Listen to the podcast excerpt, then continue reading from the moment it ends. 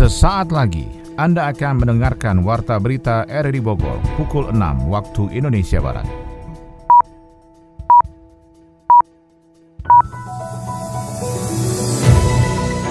Selamat pagi, salam jumpa.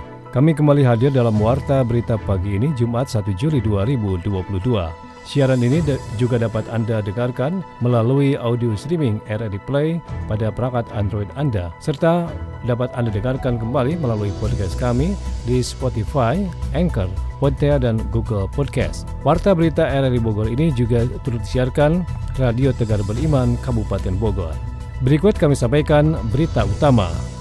Kabupaten Bogor siap mensukseskan program bersih narkoba atau bersinar di 435 desa dan kelurahan yang tersebar di 40 kecamatan.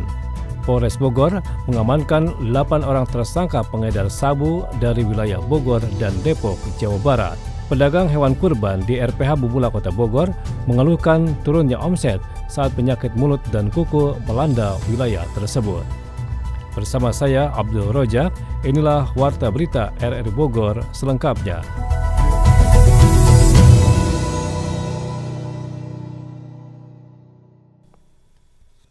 Ketua DPRD Kabupaten Bogor, Rudi Suspanto, terus mendukung PLT Bupati Bogor, Iwan Setiawan, untuk melanjutkan program 1 miliar satu desa atau Samisade tahun 2022.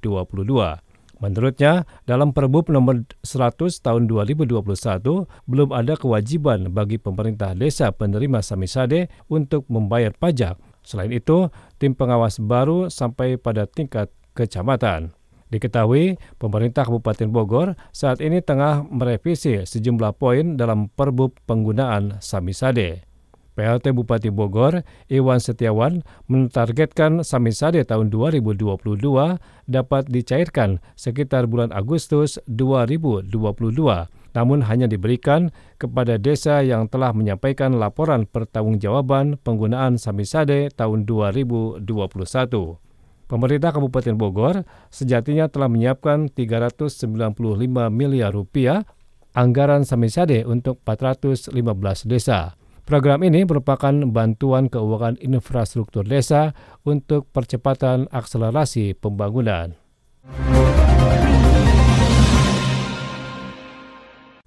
Kabupaten Bogor siap mensukseskan program bersih narkoba atau bersinar di 435 desa dan kelurahan yang tersebar di 40 kecamatan.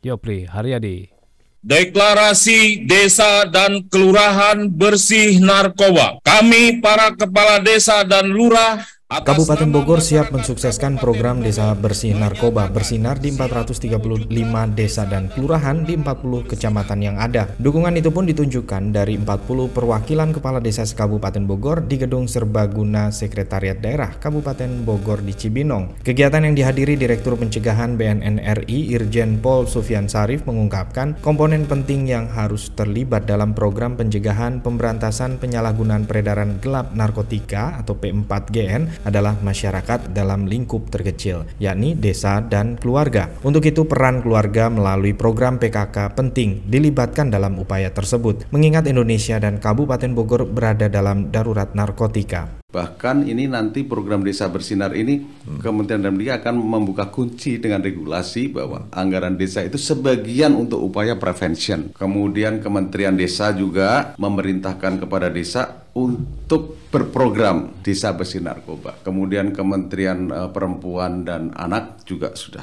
terlibat di situ. Kemudian PKK underbow daripada Kementerian Dalam Negeri sudah meregulasi uh, bahwa PKK pusat, provinsi, kota kabupaten sampai desa untuk bergabung dalam program ini. Nah, ini strategi sekali peran PKK ini dan ini sudah running. Di desa kita berprogram di situ mulai dari regulasinya dari pusat sampai desa, desa meregulasi sampai RT RW. Menjawab hal itu pun, PLT Bupati Bogor Iwan Setiawan mendukung upaya tersebut melalui regulasi yang akan dilakukan dalam bentuk perda maupun perbub nantinya, sehingga dari dana desa dan bantuan keuangan daerah lainnya dapat mengakomodir kegiatan P4GN di 435 desa dan kelurahan yang ada. Iwan menambahkan, untuk anggaran sosialisasi sebesar 20 juta rupiah per desa masih relevan disisikan dari dana desa yang diterima. Kami kan ada bantuan juga kepada hibah BNNK. Ya salah satunya kalau bantuan BNK itu internal dia. Tapi kalau kita penganggarannya itu mungkin nanti kita akan bikin satu regulasi ya. Nah, di dalam Perbub itu kan bisa dari ini kan sudah ada nih pendanaan untuk ini dari BHPRD atau juga dana desa yang disisikan untuk pembentukan dan kegiatan sosialisasi bersih. Selama ini BNN Kabupaten Bogor sudah membentuk desa bersih narkotika, namun hanya sebagian, belum 100%. Diharapkan dengan turunnya instruksi dari Kemendagri dan lintas instansi lainnya dapat menekan ruang gerak peredaran dan penyalahgunaan narkotika. Hari Bayangkara ke-76 yang diperingati hari ini, Jumat 1 Juli 2022, mendapat perhatian dari berbagai masyarakat. Selengkapnya disampaikan Sony Agung Saputra. Hari Jadi Polri ke-76 berlangsung dengan adanya sejumlah masukan terhadap institusi Bayangkara tersebut. Pada usianya yang ke-76, polisi menjadi bagian dalam mengayomi dan membina serta mencintai masyarakat sepenuh hati. Aktivis ITSMI Kabupaten Bogor Bukhori Muslim mengungkapkan sudah saatnya terjadi optimalisasi kinerja profesionalitas Polri dalam membina dan mengayomi masyarakat agar bisa lebih merasakan keamanan dan kenyamanan dalam berkehidupan bermasyarakat. Perbaikan citra baik dalam pelaksanaan publik terutama dari sisi perbaikan mutu kualitas dalam kehidupan menjadi utama untuk menjadikan tugas Polri lebih bermakna dalam tantangan zaman yang tidak mudah di era pesatnya teknologi informasi harapan besar sebetulnya kepada polisi pihak dalam hal ini adalah selaku penegak hukum di negeri ini untuk bagaimana yang pertama bahwa polisi kembali kepada hitoh kalau dalam bahasa NU itu ya kembali kepada tugas awal kembali kepada amanah awal bahwa pihak polisi kepolisian adalah sebagai pencipta kedamaian, pencipta kenyamanan tentunya dengan keamanan ya di masyarakat, di negeri ini gitu ya, di desa ataupun di kota. Ini yang sangat diharapkan oleh masyarakat sebetulnya. Makanya kemudian polisi harus berpikir netral, polisi harus berpikir objektif, polisi harus berpikir jernih bahwa masih besar masyarakat berharap kepada polisi. Sementara itu Wakil Ketua Forum Keterukunan Umat Beragama Kota Bogor Romo Endro Mikael mengatakan sikap sikap netralisme Polri dalam penanganan sebuah perkara sangatlah dibutuhkan, terutama bersikap adil sesuai aturan yang berlaku dalam menyelesaikan berbagai permasalahan di masyarakat, menjunjung tinggi nilai toleransi dan mencintai semua umat manusia dengan nilai-nilai keberagaman juga harus terbawa hingga level tingkatan Polri yang terbawah untuk dirasakan seluruh masyarakat Indonesia. Polri ini cukup berat apalagi sekarang situasi bangsa, situasi negara kita juga ya boleh dikatakan sedang keterancaman ya tentang masalah polarisme, tentang masalah kebinekaan gitu kan. Ya sementara yang berhadapan dengan kelompok-kelompok itu adalah Polri gitu kan. Ya harapan saya dalam menyingkapi persoalan-persoalan itu ke depannya saya berharap bahwa Polri lebih bijaksana, bahwa Polri juga saya harapkan juga lebih netralitas gitu dalam mengungkap-ungkap kasus gitu loh. Dan bukan hanya kasus masalah itu saja, tetapi juga termasuk dengan kasus-kasus yang lainnya gitu loh. Nah harapan saya ya Polri bisa berlaku ya baiklah dalam menjalankan tugasnya. Banyak peran serta Polri yang sudah terlihat dalam sendi kehidupan seperti melakukan upaya penegakan hukum secara berkeadilan dan juga menjaga Kantipmas agar hidup menjadi aman dan nyaman serta memberikan kelancaran dalam beraktivitas di jalan raya. Hari Bayangkara ke-76 yang jatuh hari ini akan menjadi tema dalam Bincang Pagi RR Bogor yang akan kami hadirkan pagi ini Jumat 1 Juli 2022 mulai pukul 8 waktu Indonesia Barat melalui Pro 1 RR Bogor FM 102 MHz. Harganya berapa? Cuma 250 juta. Wah, murah banget. Kapan ya jadi sultan? Eh, Pit, mau kerja gampang tapi cepat kaya nggak? Ngapain? Ngepet? Ye, yeah, bukan. Jadi trader. Kita deposit uang di awal, tapi bisa dapat untung miliaran kalau menang. Tuh, tuh, tuh, tuh, tuh. Lihat deh. Dia ini trader. Sekarang udah jadi afiliator. Umur 25 udah bisa hidup mewah. Aduh, flexing doang itu mah. Supaya banyak yang gabung. Padahal nih ya, sistemnya nggak akan ada yang menang. Malah nanti uangnya masuk ke kantong si afiliator. Kan rugi di kita. Masa sih? Padahal aku sempat percaya loh. Trading sih nggak masalah, tapi harus pastiin legalitas platform tradingnya berizin Bapepti atau OJK. Harus paham juga nih soal resiko sama hasilnya. Hmm, ngeri ya. Padahal niat pengen jadi sultan malah bisa stres karena duit hilang.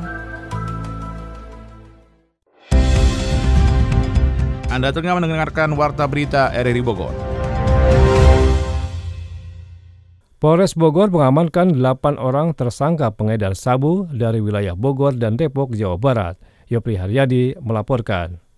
Polres Bogor amankan 8 orang tersangka pengedar sabu dari dua wilayah Bogor dan Depok, Jawa Barat. Kedelapan tersangka yang diamankan tersebut merupakan satu jaringan pengedar dengan sistem COD yang setelah didalami dua dari tersangka yang diamankan ternyata adalah residivis dalam kasus serupa. Kapolres Bogor AKBP Iman Imanuddin mengatakan 8 tersangka tersebut inisial MU 29 tahun, SF 43 tahun, UR 29 tahun, MG 25 tahun, HT 30 39 tahun, TB 39 tahun, dan AS 28 tahun yang rata-rata berprofesi sebagai karyawan swasta dan wirausaha. Dalam pengungkapan itu pun Sat Narkoba Polres Bogor mengamankan 37,7 gram sabu-sabu beserta alat hisap dari salah seorang tersangka. Kami dari Polres Bogor merilis keberhasilan yang sudah dilakukan oleh Satuan Reserse Narkoba Polres Bogor yang sudah berhasil mengamankan 8 orang tersangka pelaku penyalahgunaan peredaran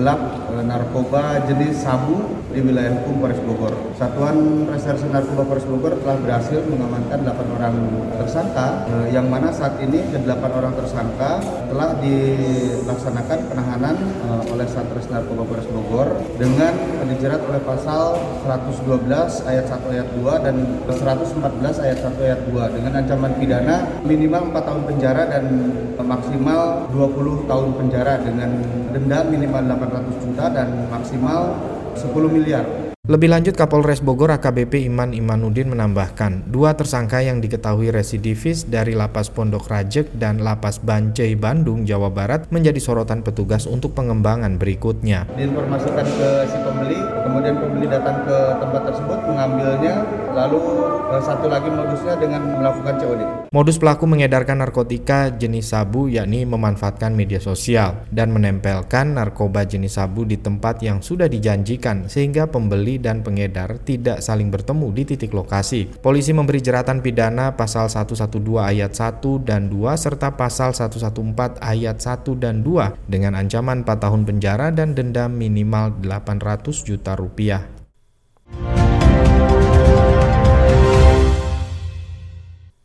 Pedagang hewan kurban di RPH Bubula Kota Bogor mengeluhkan turunnya omset saat penyakit mulut dan kuku melanda wilayah tersebut.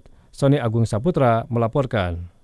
Para pedagang hewan kurban di rumah potong hewan Bubula Kota Bogor mengalami penurunan omset saat penyakit mulut dan kuku PMK melanda kawasan tersebut. Salah seorang pedagang hewan kurban di kawasan RPH Bubulak Ilman menjelaskan dalam masa 14 hari ke belakang pihaknya mengalami penurunan omset mulai 40% hingga 30% dari hari biasanya karena masyarakat khawatir adanya paparan virus tersebut. Seperti diketahui rumah potong hewan Bubula Kota Bogor mengalami paparan PMK yang berimbas ditutupnya RPH tersebut selama 14 hari. Namun dengan kembali dibukanya RPH Bubulak, pihaknya berharap adanya peningkatan omset penjualan hewan kurban. Karena saat ini sudah memasuki fase Idul Adha yang biasanya banyak masyarakat memburu hewan kurban. Jadi setelah buka ini Alhamdulillah, artinya kan beritanya itu kan Bogor dibuka atau Bogor yang nggak zona merah seperti itu. Ke kantor gitu? Ya jadi uh, penjualan kami uh, gitu?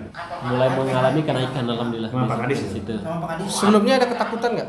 Ya takut sekali karena masyarakat khawatir dengan adanya Halo. PMK di Kota Bogor ini uh, RRI beberapa pembeli itu masjid-masjid membatalkan. Ya tapi setelah rajinnya teman-teman dari pihak pemerintah Kota Bogor memberikan konten-konten bahwa Oh, iya daging yang kena PMK boleh dan sekarang buka. berjalan. Menyikapi hal tersebut, Kepala Dinas Ketahanan Pangan dan Pertanian Kota Bogor Anas Rasmana meyakinkan masyarakat agar jangan takut untuk berinteraksi dan berbelanja di pasar hewan RPH Bubulak karena sudah ada jaminan sehat dan halal sesuai hukum dan syariah dengan adanya surat keterangan hewan dan sertifikat hewan keluar dan masuk. Menurut Anas, semua hewan yang keluar dan masuk di RPH Bubulak ini harus mengacu pada standar operasional prosedur dalam tata niaga jual beli hewan ternak. Hampir semua sudah pulih. Walaupun masih ada yang bergejala ringan. Mm-mm. Tapi itu sisa-sisa pemulihan kan? Pedong ya? Iya, iya. Sapi-sapi yang yang makanya saya kenal ada juga ada ada ba- informasi dari RPH bahwa sapi-sapi ini sudah mengalami pemulihan Iya. dan juga ada kebutuhan untuk bertransaksi masyarakat dengan pedagang. Hmm. Makanya kita buka dua ya patokannya itu. Saat- Dan saya juga beli di sini. Dijamin Pak Kadis, berarti ya? seperti Iya, itu ya? betul betul sekali betul. Jadi kita sudah ada inspektan, sudah ada penanganan di sini. Langkah pengamanan juga berlangsung untuk hewan kurban yang dijual di lapak pinggir jalan karena sudah ada satgas yang akan melakukan pemeriksaan hewan untuk memastikan layak tidaknya semua hewan ternak tersebut untuk diperjualbelikan kepada masyarakat. Baraknya klaim sepihak atas tanah adat di sejumlah lokasi di Kabupaten Bogor ternyata bermuara dari keberadaan buku C Desa yang menjadi sumber informasi dalam penataan kas dan aset di satu desa. Yopri Haryadi melaporkan. Di tengah maraknya klaim sepihak atas tanah adat di sejumlah lokasi di Kabupaten Bogor ternyata bermuara dari buku C desa yang menjadi sumber informasi dalam penataan kas dan aset di satu desa. Dan tidak sedikit kasus hilangnya buku C terjadi setiap pergantian kepala desa karena menjadi posisi tawar bagi kepala desa yang sebelumnya dengan kepala desa yang baru. Hal itu diungkapkan Kepala Kantor Arsip Kabupaten Bogor TB Lutfi Syam sambil membuka beberapa arsip pemerintahan yang tengah ditata ulang dan diberi nomor kode tertentu. Lutfi menambahkan, di era digital seperti saat ini, dokumen pemerintah yang sifatnya umum harus dapat dijangkau oleh publik dan menjadi target kinerjanya pada dua tahun ke depan dengan mendigitalisasi arsip daerah yang penting terutama buku induk C milik desa sekabupaten Bogor. Kita juga melakukan alih, alih media buku sedesa tanah ya, karena banyak terjadi pada saat pilkades di mana yang namanya incumbent kalah biasanya dua hal yang jadi masalah. Kantor desanya digembok buku C-nya dibawa. Karena buku DC itu punya nilai. Salinannya setiap yang membuat AJB itu pasti perlu. Oh iya, iya. Eh, artinya bukan bukunya ya tapi salinannya bisa diperjualbelikan. Keterbukaan informasi publik bersumber dari ditutupnya arsip dan informasi umum yang boleh diketahui publik, yang tujuannya adalah memberikan informasi berkelanjutan terutama pada bidang pemerintahan bagi masyarakat karena produk dari pemerintahan pada akhirnya adalah arsip. masalah dari mulai misalkan penomoran kita nyebutnya tata naskah surat, Hmm. pengkode kode klasifikasinya, Hmm. ini surat urusan apa kepegawaian kah, urusan pemerintahan kah, Hmm. urusan perekonomian kah, Hmm. kadang-kadang kan itu butuh dibimbing, jadi masih masalah. Tapi kan kita terus rapihkan, pelan-pelan membantu. Ya dua tiga tahun inilah kita mulai sentuh. Eh, ada kewajiban membuat laporan per satu bulan. Kita ini kan kerja di pemerintah, kalau kerja di pemerintah produknya pasti arsip. Masyarakat dapat membuka berbagai akses peraturan daerah dan hasil rapat paripurna DPRD dari masa ke masa dalam program digitalisasi arsip. Pemahaman atas informasi yang sama baik masyarakat dan aparatur daerah selaku pelayan publik dapat mempercepat kinerja roda birokrasi dan capaian pelayanannya menjalankan pemerintahan. Berita olahraga. Federasi Panjat Tebing Indonesia FPTI Kota Bogor akan mengadakan sirkuit panjat tebing kelompok pelajar di kawasan Sempur, Kota Bogor. Perjalanan Gregoria Mariska Tunjung di Malaysia Open 2022 harus berakhir setelah dihentikan oleh wakil Cina Wang Jiji. Ermelinda melaporkan.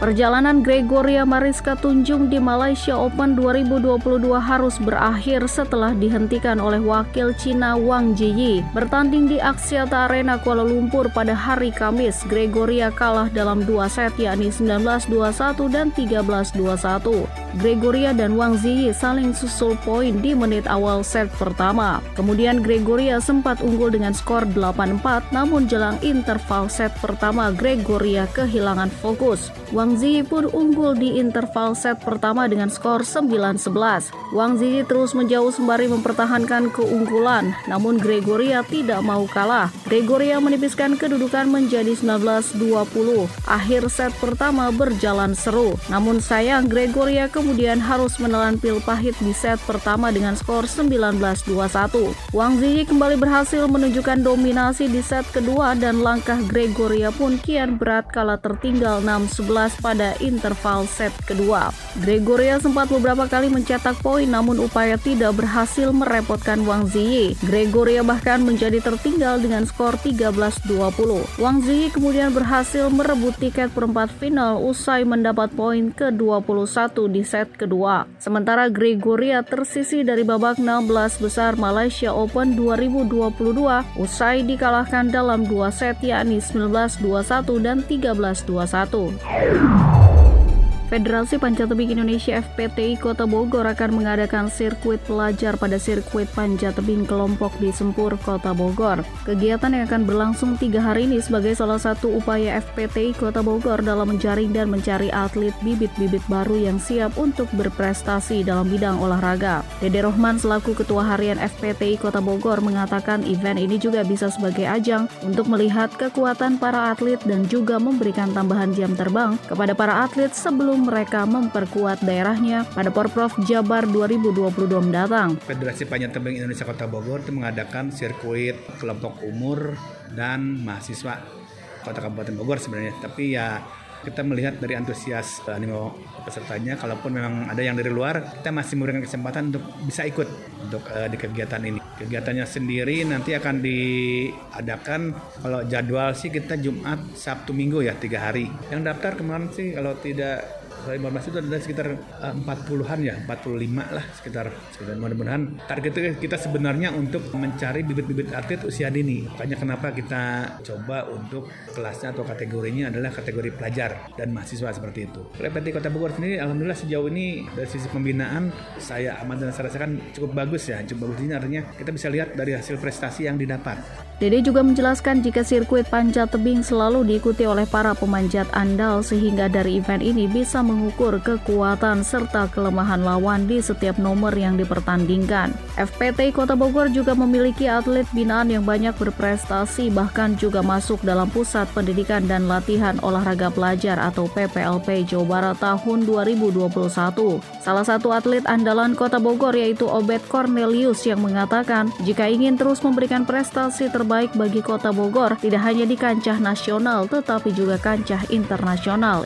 Saya sangat senang senang sudah diterima dalam bagian PPLP Jawa Barat. Saya ke depannya ingin membanggakan nama PT Kota Bogor dan Jawa Barat.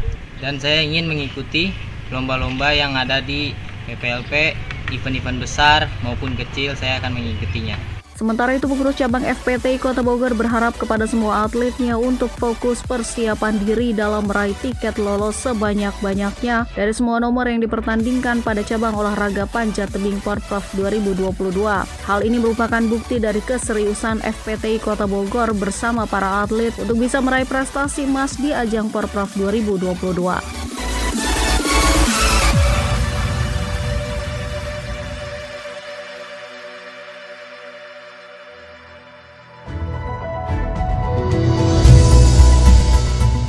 Saudara demikian informasi yang dapat kami sampaikan dan berikut kembali kami sampaikan berita utama hari ini. Kabupaten Bogor siap mensukseskan program bersih narkoba atau bersinar di 435 desa dan kelurahan yang tersebar di 40 kecamatan. Polres Bogor mengamankan 8 orang tersangka pengedar sabu dari wilayah Bogor dan Depok, Jawa Barat. Pedagang hewan kurban di RPH Bubula Kota Bogor mengeluhkan turunnya omset saat penyakit mulut dan kuku melanda wilayah tersebut. Saudara, siaran ini dapat Anda dengarkan kembali melalui podcast kami di Spotify, Anchor, Spotify, dan Google Podcast. Mewakili kerabat kerja yang bertugas hari ini, saya Abdul Rojak mengucapkan terima kasih. Selamat pagi.